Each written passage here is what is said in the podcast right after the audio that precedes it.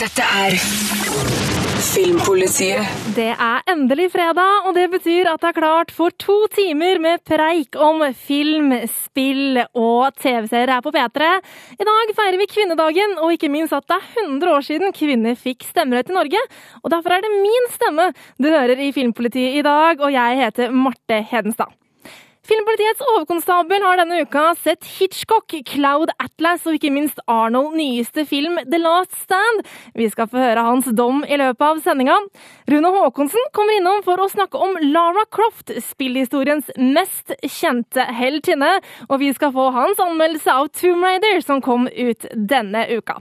Jeg får også besøk av Maria Laila Lindberg, som skal snakke om kvinner med fete serier på TV. Filmpolitiet! Mannen med filmbransjens mest kjente profil er den legendariske regissøren Alfred Hitchcock, som har gitt oss thrillere som Vertigo, Fuglene og ikke minst Psycho. Og denne uka så kom filmen om hvordan mesterstykket hans Psycho ble til, og her får du Birger Vestmo sin anmeldelse. All of us harbor dark recesses of violence and horror. I'm just a man hiding in the corner with a camera, watching. thank you Filmer om filmer og filmfolk finnes det mange av. Eksempel My Week with Marilyn, White Hunter Black Heart, RKO 281, Shadow of the Vampire, Gods and Monsters og Ed Wood. Men ikke alle like gode som filmene eller folkene de forteller om. Det gjelder òg Hitchcock, som bruker en av filmhistoriens viktigste horrorfilmer som utgangspunkt. Resultatet er forunderlig hyggelig og ukomplisert. Jeg hadde ønska meg noe med mer tyngde enn det her. I need something fresh, something different. Nasty little piece of. That's what I'm looking for. There's a project out there waiting for you, Hitch, I promise you. Året er 1959, og regissør Alfred Hitchcock, spilt av Anthony Hopkins, vil gjøre noe nytt og annerledes etter suksessen med North by Northwest. Han kommer over ei bok som alle andre i Hollywood skyr, nemlig Psycho av Robert Bloch. Paramount vil ikke finansiere prosjektet, så Hitchcock setter egen økonomi på spill sammen med kona og samarbeidspartneren Alma Reville, spilt av Helen Mirren. Men deres ekteskap skranter, og innspillinga får problemer.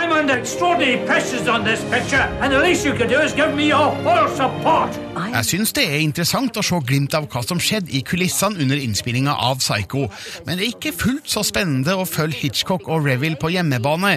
Problemene i forholdet synes ikke å være særlig mye utenom det vanlige, og det skal ikke så mye til for å få det på rett kjøl igjen. Riktignok belyser filmen hvilken avgjørende betydning Reville hadde på ektemannens filmer, men det virker rett og slett litt lite å lage film om. Jeg skulle mye heller sett et sterkere fokus på filminnspillinga og intrigene som antydes der. Regissørens personlighet skal ha hatt sine mørke sider, men hans rykte og renommé blir ikke utfordra av denne filmen. Is there any improper suggestion of nudity? She won't be nude. She'll be wearing a shower cap. Sasha Jervasi debuterte som regissør med fantastiske Anvil, The Story of Anvil, dokumentarfilmen om 80-tallsbandet som aldri slo igjennom. Hans spillefilmdebut viser at han nå er i full stand til å portrettere historiske personer og begivenheter. Anthony Hopkins fremstår som en ganske troverdig Hitchcock med korpulent kropp og karikert ansikt. Det tar litt tid å venne seg til den tilsynelatende overdrevne makeupen, men Hopkins makter å gjøre han til en ekte figur. Ellers greier Scarlett Johansson å være filmstjernete nok som Janet Lee, Jessica Biel likeså som Vera Miles, mens James Darcy er imponerende lik Anthony Perkins. All skildringa rundt filminnspillinga virker troverdige og interessante. Just think of the shock value. Killing off your leading lady halfway through. You shouldn't wait till halfway through. Kill her off after 30 minutes. Fokuset på forholdet mellom Alfred og Alma er imidlertid litt for lett. Helen Mirren spiller som vanlig godt, men spenninga mellom dem blir ikke utforska særlig grundig. Jeg føler aldri at mye står på spill, og at det kanskje var en tabbe å fokusere så mye på det her. Men fans av Hitchcock og Psycho kan i det minste kose seg med et nostalgisk blikk på innspillinga, og det beste med hele filmen er at den kanskje kan få et nytt publikum til å stifte bekjentskap med Psycho og Hitchcocks andre klassikere. You may not be the easiest man to live with, but you're more entertaining than any of your plots. Og Birger Vestmo han belønnet Hitchcock med terningkast fire. Hvis du klikker deg inn på p3.no skråstrekk filmpolitiet, så kan du få hele anmeldelsen på nytt der. Og der finner du også masse deilig stoff om film, spill og TV-serier. Dette er Filmpolitiet på P3. Og nå så skal vi få eh, Birger Vestmo sin anmeldelse av en film som jeg er utrolig spent på. Eh, for det virker som at den filmen her enten blir elska eller hata. Den har fått eh, slakt og ros om hverandre. Og jeg snakker om Cloud Atlas. Og Birger, han er faktisk ganske så positiv. Hør på det her. Yesterday, my life was headed in one direction. Today, it is headed in another. Det er ikke mangel på ambisjoner i Cloud Atlas, et vågalt samarbeidsprosjekt mellom regissørene Andy Wachowski, Lana Wachowski og Tom Tykver. Dette er en stor og omfattende historie, basert på David Mitchells roman, med frigjøring og reinkarnasjon som sentrale temaer. Den utforsker også hvordan alt henger sammen. Handlinger i ett liv kan skape ringvirkninger i et annet.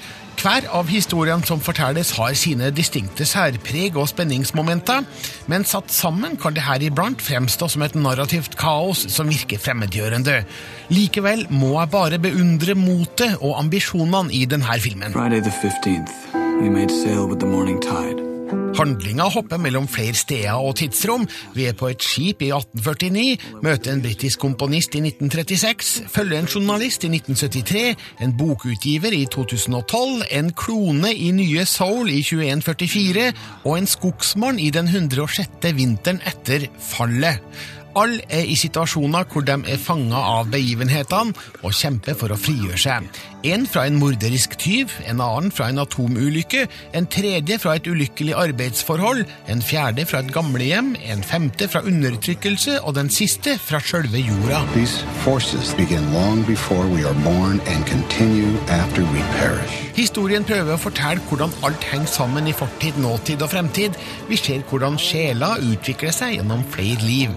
Et av grepene er å la de samme skuespillerne gå igjen i de forskjellige historiene, annet Tom Hanks, Halle Berry, Hugo Weaving, Jim Broadbent, Jim Sturges og Hugh Grant. De imponerer i roller som krever stor spennvidde. Blant annet gjør Hanks noen av sine bedre prestasjoner på lenge i denne filmen, mens Halle Berry i en av sekvensene har en overbevisende, men skummel fremtoning som hvit overklassekvinne. Saving me twice, Hugh. You fall, I'll catch you. Wachowskian har regissert de mest effekttunge sekvensene, mens Tykver står bak dem med mest fokus på det menneskelige. De har derfor et billedmessig annerledes uttrykk, og det hjelper oss å skille dem fra hverandre. Wachowskian regisserer fremdeles science fiction med fart, driv og visjonære øyne, i hvert fall når det gjelder det visuelle, mens Tykver skaper varme og rørende personskildringer på beundringsverdig kort tid, spesielt i komponistsekvensen med velspillende Ben Wishaw og James Darcy. The music from my dream. I call it the Cloud Atlas Sextet. Men hva betyr alt sammen? Prøver filmen å fortelle oss noe av verdi? Jeg er sannelig ikke sikker. Jeg fikk kanskje ikke et umiddelbart kjærlighetsforhold til Cloud Atlas, og aner at det her er den typen film som krever flere gjensyn før dens eventuelle kvaliteter, eller mangel på dem, trer klart frem. Akkurat nå er jeg mest opptatt av å beundre ambisjonsnivået, den filmatiske virtuositeten, og hvordan filmskaperne tør lage en dyr og lang film basert på svært høytflygende tematikk. Jeg liker filmskapere som tar sjanser. Cloud Atlas er en nesten tre timer lang sjanse som forundrer, forvirrer og forbauser meg, men som aldri kjeder meg. I believe there is another world waiting for us, a better world. And I'll be waiting for you there.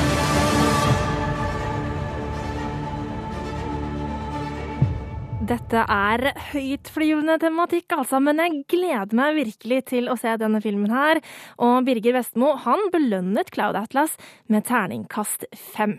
Hvis du klikker deg inn på p3.no skråstrek filmpolitiet, så kan du også se videoanmeldelse av Cloud Atlas der. Filmpolitiet P3 TV-serien Girls den har tatt oss med storm det siste året og har skapt en del oppstyr og krangling om den er feministisk eller ikke. Og nå er det jo bare to episoder igjen av den andre sesongen, men det finnes jo flere serier der ute med bra kvinnelige figurer. Og nå så har jeg fått mitt redaksjonsmedlem Maria Laila Lindberg inn i studio. Velkommen, Maria. Takk skal du ha. Og Maria, jeg bare lurer litt på, uh, hvordan er det egentlig med kvinner på TV for tida? Er det nok serier? Er det noe bra å se der ute med sterke kvinnelige rollefigurer? Det er masse. Jeg det mener absolutt ikke det er noe mangelvare. Vi har eh, hatt en høst og en vinter bak oss hvor vi har hatt, vi har hatt Broen og Forbrytelsen, Girls, Homeland. Det er masse TV-serier der ute som eh, portretterer kvinnelige rollefigurer veldig godt og varierende. Å, så bra. Og nå har du kommet hit med noen tips til oss på hva, hva er det vi kan se nå utover våren istedenfor Girls, da, når det begynner å bli ferdig nå, med noen tøffe damer i hovedrollene. Det har vi absolutt. Eh, Den ene serien er en serie som du kan se på HBO Nordic, som heter Hit and Miss med Chloé Sevigny i Ja, hun er kul. Fantastiske Chloé. Eh, Der spiller hun en transkjønna leiemorder. Som plutselig får en, eh, en hel familie i fanget fra fortida, eh, som da må, da må ta vare på. Eh, Der spiller hun ei dame som er utrolig sånn Hun er veldig modig og uforutsigbar. Okay. Eh, hun sliter jo veldig med det at hun er født som mann, men føler seg som dame. Og, og hun, ja, nei, hun, hun formidler alle de kaosfølelsene du må ha som en sånn person. Utrolig troverdig. Ja, For det kan jo ikke være så veldig lett. Nei, absolutt ikke. Og har et veldig androgynt uh, vesen òg, Chloé Sevigny, så den kler henne veldig godt, den rollen. Ja, Og hvor var det vi kunne se den serien, sa du? Det, den går på HBO Nordic, hvis man abonnerer på det. Ok. Mm. Eh, en annen serie eh, som eh, du kan se på samme sted, er Enlightened. Som handler om ei eh, dame som eh, har en sånn mellomlederstilling i et stort, stort, stort amerikansk sånn skjønnhetsfirma. De lager helseprodukter og sånn. Ja. Eh, hun får et nervøst sammenbrudd pga. forskjellige ting på jobben. Drar på sånn New Age-reise og kommer tilbake som et eh, helt nytt menneske full av eh, Full av kamplyst og skal etter hvert da prøve å kjøre sitt eget selskap i grunnen pga. deres shady Oi. business. Mm. Mm, det høres spennende ut. Det er spennende. Den eh, første sesong er veldig treg, og serien starter kanskje ikke helt før i andre sesong, men eh, det er en utrolig deilig serie, og episodene bare flyr forbi når man, eh, når man følger med på det. Og så har du én serie til, Maria. Den siste serien eh, den heter My Mad Fat Diary. Og ja, eh, det er mange som har snakka om overvektige jenter i Girls. Her er ei som slår dem alle ned i støvlene. Hun er 16 år gammel, eh, veier 100 kilo, hovedpersonen. Og hun er en sånn utrolig sånn frisk og modig tenåringsfigur som det er veldig lenge siden jeg har sett på TV, og som eh, har veldig stor eh, ja, hun har et veldig sånn sjølironisk blikk på seg sjøl ja, Ah, det er kult. Hun er, nei, hun er knalltøff, altså. Så hun er også en å følge Men med på. hvor kan jeg se den serien? Eh, den serien eh, har jeg sett på Eller jeg har, jeg har Først så jeg den litt, for det lå em, ute på streaming på hjemmesida til Ah. eh, dem som sender den. Den sender, går på kanal 4 i England, men Ja, man kan få kjøpt den på DVD. Å, så tøft. Da, den tror jeg jeg skal ta og Mm. Hørtes veldig spennende ut, så den vil jeg gjerne følge med på. Eh, og Maria, du har jo skrevet en artikkel også som ligger ute på p3.no filmpolitiet. Mm. Så der kan sikkert um, folk komme med noen flere serier som forslag også. Absolutt, det vil vi veldig gjerne. Tusen takk for at du kom i studio, Maria. Jeg heter Marte og styrer spakene her i dag fordi det er kvinnedagen, så Birger Vestmo har blitt pensjonert for dagen. Men det betyr ikke at han ikke kan komme med anmeldelser. Eh, Og nå skal vi få et lite gjenhør med en av hans eldre anmeldelser, for eh, denne uka så kom nemlig den utrolige koselige filmen The Perks of Being a Wallflower på Blu-ray og DVD. Og her skal vi få et lite gjenhør med hva Birger syns om den filmen. Dear friend, I haven't really talked to anyone outside of my family all summer, but tomorrow is my first day, and really. I rekka av filmer om tenåringsangst og kjærlighet kommer en som er skikkelig god. The Perks of Being a Wallflower innrømmer i sin egen dialog at det her er en ungdomssåpe, men regissør Steven Chobosky pakker det inn i vakker nostalgi med indie-filmpreg. Denne filmen har òg godt skuespill, et solid soundtrack og en sympatisk historie som gjør meg engasjert. Det her kan trygt anbefales. Highness. Sky og sjenerte Charlie, spilt av Lerman Logan, er venneløs fersking på high school, men møter redninga i form av den eldre klassekameraten Patrick, spilt av Ezra Miller, hans stesøster Sam, spilt av Emma Watson, og deres vennegjeng. Møtet med de her frie sjelene åpner en ny verden for Charlie, som gradvis gir slipp på sin vonde fortid. Men hans nye virkelighet skal vise seg å være like skjør som han sjøl. Welcome to the island of misfit toys. Filmens omgivelser, mote, musikk og bruk av mixtapes avslører på en subtil måte at vi er et sted på starten av 1990-tallet, men handlinga kun foregått når som helst. Temaet er tidløst og universelt.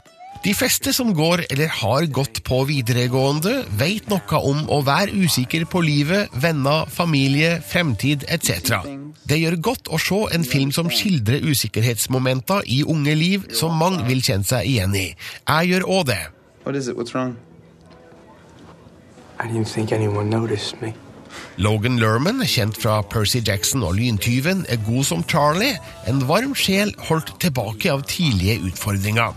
Ezra Miller, som vi husker svært godt fra Vi må snakke om Kevin, overbeviser som frika edger med legningsproblemer, mens Emma Watson viser at hun definitivt har mer inne som skuespiller enn vi har sett i Harry Potter-filmene. Samspillet mellom dem er inderlig nært, de står der med hjertet i hånda.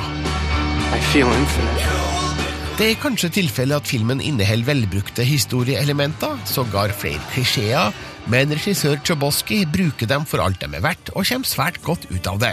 The Perks of Being a Wallflower er en god film som vil både meg og sine figurer alt godt, og når rulleteksten kommer, er jeg grundig påminnet om hvilke utfordringer som ligger i ungdomstida, og hvor grusomt og fantastisk det kan være på samme tid. I swear we are infinite. Filmpolitiet på P3. Denne uka så eh, begynte det en ny serie på HBO Nordic, nemlig den nye serien Viking. Så nå har jeg fått Andreas Hadsel Oppsvik eh, fra Filmpolitiet her i studio. Og Andreas, du har sett første episode av den eh, serien her. Jeg har sett to episoder. Og jeg er litt sånn derre jeg er litt sånn forvirra, for det har vært en del hype om eh, den serien her. Det har vært eh, liksom Å, dette er Game of Thrones-aktig. Ja. Er ikke akkurat det.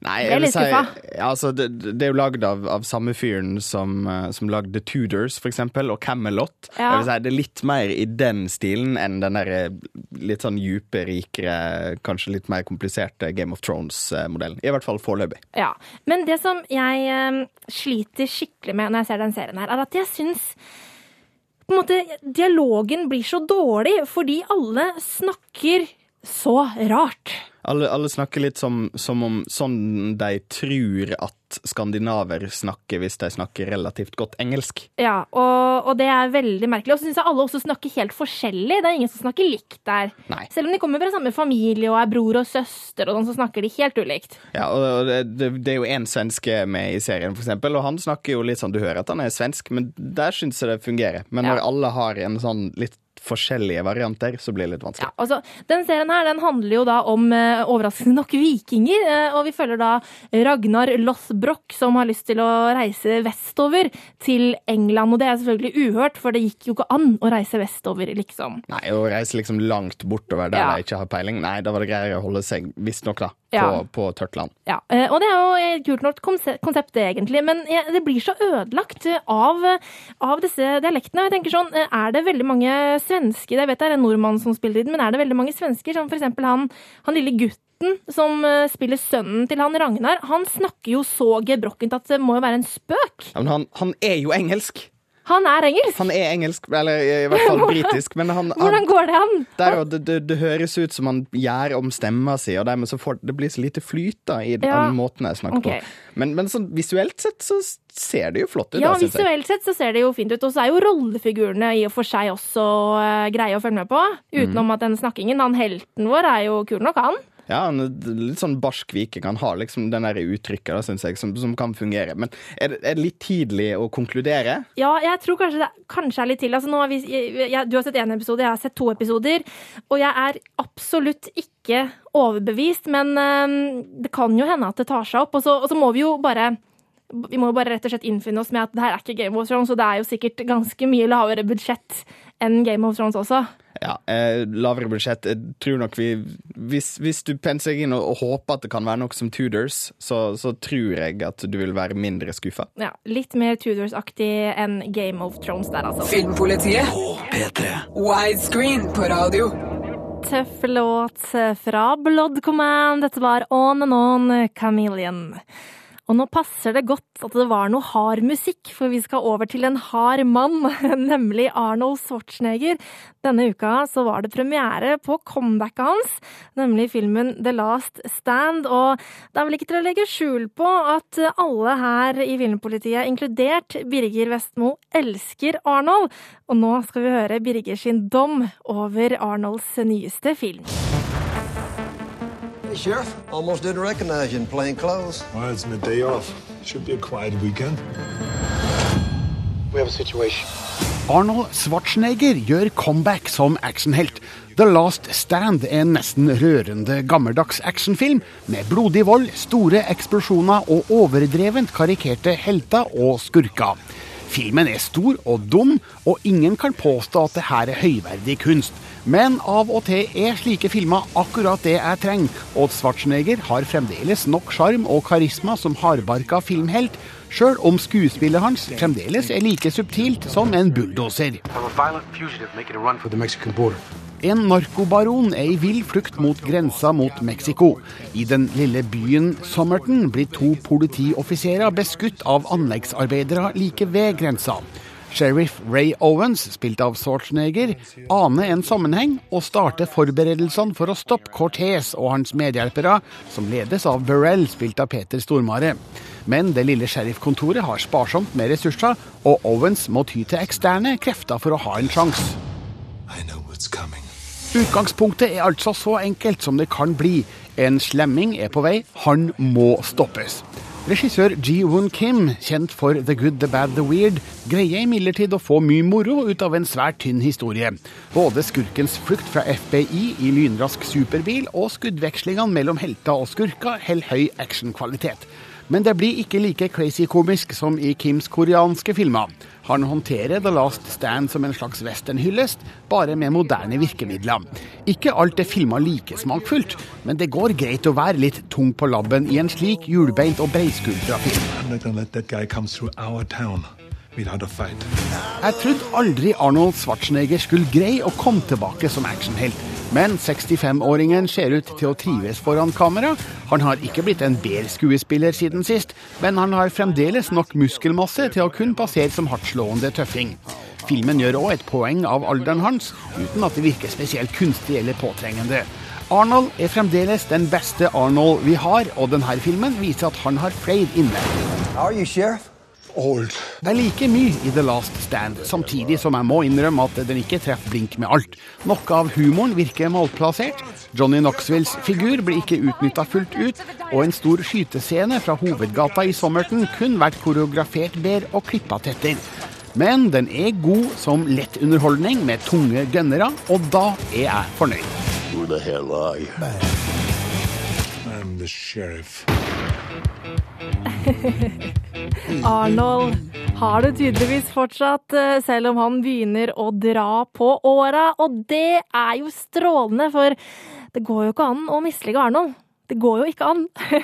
og Birger Vestmo belønnet The Last Stand med terningkast fire, og konstaterer at han har stort karisma, godeste Arnold, i filmen. Og i Filmpolitiet akkurat nå så skal vi ta et lite tilbakeblikk. For denne uka så kom filmen De urørlige på Blu-ray og DVD. Og den filmen her den gjorde stor suksess da den hadde premiere i Frankrike i 2011. Da ble den faktisk den mest sette franske filmen på verdensbasis etter hvert. Og nå skal vi få høre hva Andreas Hatzel Opsvik syns om filmen da den gikk på kino her i Norge i fjor vinter. Selon le contrat, vous disposez également d'une dépendance. Philip trenger en personlig assistent. Etter ei fallulykke er han lam fra halsen og ned, men frykt ikke. Han er rik nok til å betale for den beste hjelpa som er mulig å oppdrive. Blant de stort sett perlehvite og velutdanna søkerne utenfor kontoret hans er det én person som skiller seg ut. Trygdesnylteren Driss. De urørlige er den største fransktalende filmsuksessen i Frankrike noensinne. Det sier kanskje ikke så mye, ettersom den tok over trona fra den veldig interne, litt banale 'Velkommen til stiene' fra 2011. Som en del andre franske komedier balanserer den av og til hårfint på grensa mellom kleint og koselig, men holder seg stort sett på den varme, gode sida. Hjelperen Driss er fra feil side av byen og har stort sett bare møtt opp for å få ei underskrift. Slik kan han bevise at han har søkt jobber, ikke fått dem, og dermed få trygd. Kom igjen i morgen, så fikser vi lappen da, blir starten på et uvanlig vennskap de imellom. Det som redder filmen fra å bli en slags Driving Miss Daisy-kopi med en rullestol i stedet for en staselig bil, er skuespillet.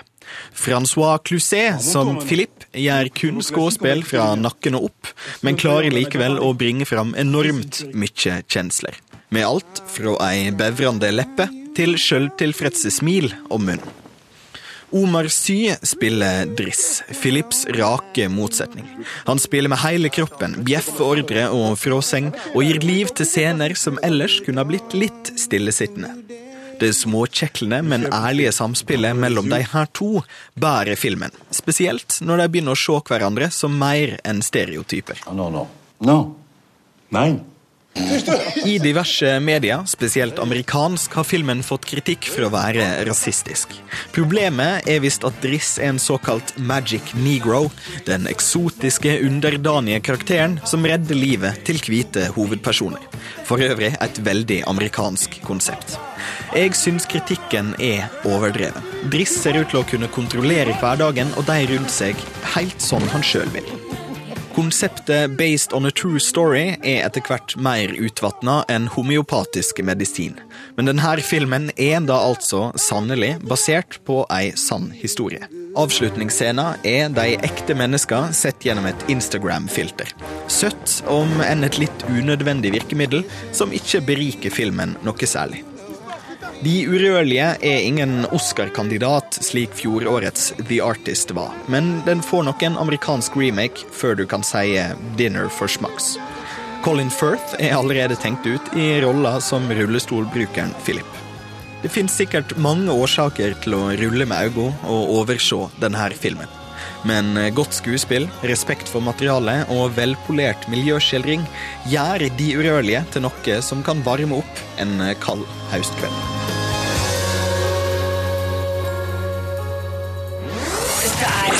Filmpolitiet på P3. Straks så skal vi over til Tomb Raider-spillet som kom ut denne uka. Jeg følte at det passa veldig fint, siden hovedrolleinnehaveren i Tomb Raider jo er den mest kjente kvinnelige spillfiguren.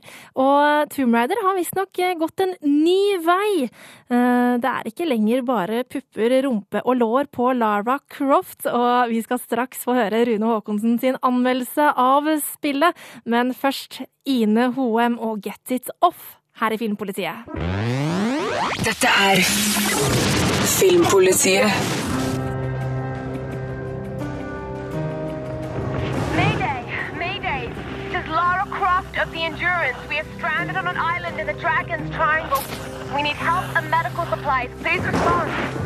Nye Lara Croft ligner ikke sitt gamle jeg. Og ja, hun er ny i Tomb Raider anno 2013. Hun er et menneske. Heftige kroppsformer ble varemerket til eventyreren i hennes første periode som spillverdenens ubestridte heltinne. Fra første øyeblikk i dette comeback-spillet er det helt andre karakteristikker som definerer fortellingen som ligger foran. Om bord på utforskningsskipet Endurance leter Croft sammen med et lag brokete opportunister etter den tapte japanske sivilisasjonen Yamatai.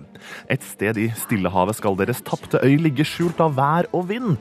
Overraskelsen er ikke stor, og spoilereffekten minimal når jeg forteller at hun også tilbringer mesteparten av spillet på nettopp den øya. What is this place?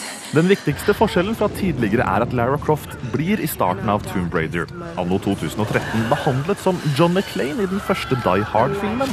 Hun må tåle ekstreme smerter, ulykker, alvorlige fall og indre blødninger.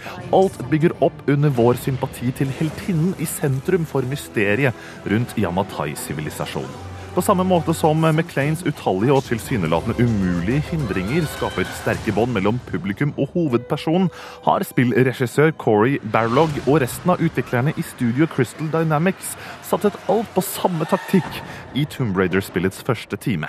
De lykkes fantastisk godt. Ross, please come and get me. We're regrouping at my location. Spillet er det første i serien som har fått 18 års aldersgrense. Og det med god grunn. Ikke bare er påkjenningene Croft må gjennom ekstreme, men på den mystiske øya lurer det farer rundt enhver sving. Er du ikke oppmerksom, vil hodeskallen din bli knust eller armer og ben brukket uten nåde. Menneskeoffer i groteske templer slår an stemninga. Omgivelsene og tonen i spillet signaliserer tidlig en mørkere retning på serien. Sometimes you've got to make sacrifices, Lara. You can't save everyone. Spillet er åpenbart ikke skapt for unge og barn, men sikter seg inn mot de voksne som trenger en real utfordring og spennende underholdning. Fokuset på utstyr, egenskaper og overlevelsesinstinkt skiller Tomb Raider fra andre tredjepersons skytespill. Uten å insistere forteller spillet at du bør være strategisk med tanke på hvordan du vil utvikle Lara Croft. Hun får erfaringspoeng ved å fullføre oppdrag eller ved å ta ut verdifulle og farlige dyr og personer. Vanskelige motstandere byr på større belønninger, men også større farer. Med en spillfigur som fra starten fremstår som faktisk kjøtt og blod, tvinger studioet Crystal Dynamics meg til å være på vakt hele tida. Right. Hindringene er ofte et type skurker, og de står ofte i veien selv om du skal utføre helt vanlige spilloppgaver, som å hente et verktøy eller jakte på et dyr. Kampsituasjonene er ikke alltid så dynamiske som de kunne vært. Og selv med Lara Crofts mange egenskaper ble kampene noe repeterende mot slutten av den rundt ti timer lange fortellinga. Tomb Raider 2013 er et viktig spill. Lara Croft har tatt reisen fra å bli beundret av noen for sin slagkraftighet og idolisert av andre for sin kropp, til å bli en relaterbar og sårbar spillhelt. Den gamle Lara Croft er død. Lenge leve Lara Croft. If I don't survive, none of us will. Og det her er deilig å høre. Rune Haakonsen mener at Tomb Raider har kommet sterkt tilbake, og at Lara Croft endelig har blitt den spillheltinnen hun alltid burde ha vært. Terningkast fem fra Rune til Tomb Raider, altså. Og jeg kommer til å bruke store deler av helga på å sitte inne og fordype meg i dette spillet her sjæl. Filmpolitiet. P3. Widescreen på radio. Før låta så fikk du Rune Haakonsen sin spilleanmeldelse av Tomb Raider, og nå har jeg fått eh, Rune i studio. Hei. Hei, hei. Jeg må jo bare si at eh, jeg lurer på om utgiverne bak det nye Tomb Raider-spillet har bevisst lagt lanseringen til samme uke som, som kvinnedagen er, for dette er ei dame som, som sparker fra seg på helt nytt vis, altså. Ja, jeg tenkte over det. Det passa veldig fint at eh, den eh, falt sammen med 100-årsjubileum på Stemmerett i Norge og greier. Eh, Men Rune, eh, Lara Croft hun er en legendarisk kvinnelig spillfigur. Det har toppa mange lister over de tøffeste spillhelter, heltinner osv. i mange år. Og hun har jo vært en, en av de største spillheltene helt siden hun debuterte i 1997 med da det første Tomb Raider-spillet. Mm. Eh, Så derfor er det veldig spennende å se nå da en, en helt ny Tomb Raider, en helt ny Lara Croft som, som, som kommer ut. Ja, fordi at eh, i alle år så har jo Lara Ja, hun er en tøff figur, og jeg har digga henne, altså, for å si det sånn. Men hun er jo Og hun har jo også alltid vært et sexsymbol. Ja, hun ja, ja. har vært kjent for sine store attributter, da, for å si det pent. Ja, litt sånn, sånn, sånn der type korsettmidje og ja. det, det, det, sånn, Hennes utseende har vel vært vel så ikonisk som, som det hun faktisk har gjort i Ja, spillene. og det har vært kanskje mer fokus på hvordan hun ser ut, enn kanskje hvilken figur hun faktisk er. Eh, Men nå har det gått en litt, vei, en litt annen vei med det nye Tomb Raider-spillet. Jeg åpner jo med å påstå at den, hun nå også er et menneske, og det er jo en ganske heftig påstand å komme med, for da impliserer jeg jo at alle de tidligere eh, Lara Croft-variantene ikke har den samme, eh, samme tyngden. Og, og, og det mener jeg er tilfellet også. Kvinneroller i spill har ofte vært liksom redusert til da enten så er du 'å, se, jeg er sexy', og det Mhm. er en viktig del av den personligheten. Eller så har du den, det som jeg kaller, liker å kalle GI Jane-effekten, som Demi Moore gjorde i hennes da, film, hvor hun plutselig blir en mann. Altså, Ja. Hun er en kvinne i militæret, men hun tar på seg alle de mannlige stereotypene som man forventer av en sånn type militærfilm. Så hun, hun, hun går nesten ut av rollen som, som kvinne for å, for å være den maskuline militærmannen, som er en veldig sånn typisk stereotyp greie. da. Hva er grunnen til at det har vært sånn, tror du? Det er veldig vanskelig å si, eh, men, men, men det har jo mye å knytte opp med historien til eh, skal vi si, kvinneroller både på film, men som også da på en måte kom over til spill. Og det har vært veldig få kvinner som har skrevet spillhistorier. Mm. Og det syns jeg er viktig å få med seg i Tomb Raider, da den nye Tomb Raider anno 2013s tilfelle er at det er Patricia Pratchett, altså datteren til fantasyforfatteren Terry Pratchett, som har skrevet historien. Og hun har gjort et veldig poeng ut av å skrive en annen, annen type, en, en utypisk spillkvinne inn i denne fortellingen. Og jeg syns hun lykkes så til de grader med å gjøre det. Å skape ei kul helt på egne premisser, som er relaterbar på eh, helt menneskelige verdier. Og det er liksom ikke, det er ikke noe poeng at hun har bryster, eksempel, som, Mm. som Lara Croft ofte har blitt eh, å sånn, Det er jo et vedheng hun har hatt tidligere, at, at det er brystene som har kommet i fokus. Ikke sant? Eh, Nå er det ikke at du, Lara Croft er kvinne som er i fokus, hun er en person, og hun er en godt skrevet figur, rett og slett. Ja, absolutt. Og det som gjør også Tomb Raider-spillet til en ekstremt sånn spennende opplevelse, er jo nettopp å kombinere denne litt sånn u... Altså, det, det, jeg må si det, da. Det er litt uvant å Mhm. møte en sånn kvinne i et spill. Men med den brutale, det grusomme, det mørke som hun må igjennom for å overleve denne forferdelige, hemmelige øya som hun har havnet på. Det er en kombinasjon som gjør eh, Tomb Raider 2013-versjonen til et, et knakende godt spill. Eh, det er andre ting som trekker litt ned, men i det store og hele så tar denne fortellingen meg så til de grader med storm. Og, og det, er et intenst spill. der jeg liksom sitter med skuldrene oppover. og må, jeg må klare det! Og den følelsen gjenspeiles også i figuren med at hun går og sier sånne ting som You can do it. Mm. You gotta do it. At det er denne utfordringen som er i fokus, ikke det andre. Så et stort steg i, i riktig retning for eh, kvinnelige spillheltinner, altså. Ja, og så må jeg si at det er et stort steg i riktig retning for Tomb Raider-serien, for med dette så sparker virkelig eh, spillutviklerne i gang en ny æra for en av spillhistoriens mest kjente kvinner, og det er gøy å se at eh, hun er så tøff, så sårbar og ikke minst så menneskelig. Den store snakkisen denne uka, det har vært lanseringen, eller den katastrofale lanseringen av SimCity. Det har gått helt fullstendig skeis, og masse fans er illsinte på EA. Og nå har jeg fått eh, min medarbeider Martin Aas i studio. Du er jo SimCity-fan, Martin. Kan du forklare hva er det som egentlig har skjedd her? Ja, eh, det som har skjedd er jo at eh, det skulle komme det nye store SimCity-byggespillet nå. Eh, Ti år siden sist. Millioner av mennesker har gledet seg. Eh, Men Electronic Arts eh, og Maxis, som har laget spillet, har valgt å kjøre sånn at du alltid må være pålogget og logget på deres servere for å kunne spille spillet. Selv om du spiller alene. Det er ikke, Ja, ja. Uansett. Uansett må du være logget på. Det er det nye kule nå. Og det som skjedde da eh, når det ble lansert på tirsdag i USA, var at serverne klarte ikke presset og gikk helt ned. Og ingen klarte å laste ned eller spille eller noe sånn. Så eh, natt til torsdag så ble det lansert i Europa. Det samme problemet vedvarte, og frustrerte folk prøver å logge inn og logge inn, og, og ingenting funker. Og øh, nå også i Storbritannia i dag. Ja, så det er fullt kaos, rett og slett. Og det her er jo på et vis et forsøk fra EA og, og, mot piratkopiering, ikke sant? Ja, eh, man tenker jo det her med sånn alltid online DRM, som det heter, eh, er et, egentlig et primært våpen mot piratkopiering. Fordi ved at du alltid må være logga på Mhm. serveren deres, så er det veldig vanskelig å piratkopiere spillet. Ja, og fansen av spillet de hater jo selvfølgelig det her. og Det er jo, det er jo lett å se på sånne ratings på internett og sånn. Ja, det er veld, veldig fascinerende å se. Altså, de har jo ikke så mye mot uh, at de beskytter seg mot piratkopiering i utgangspunktet, men problemet er at det funker jo ikke, og du får et dårligere produkt fordi du alltid må være online, og det Mm. funker ikke.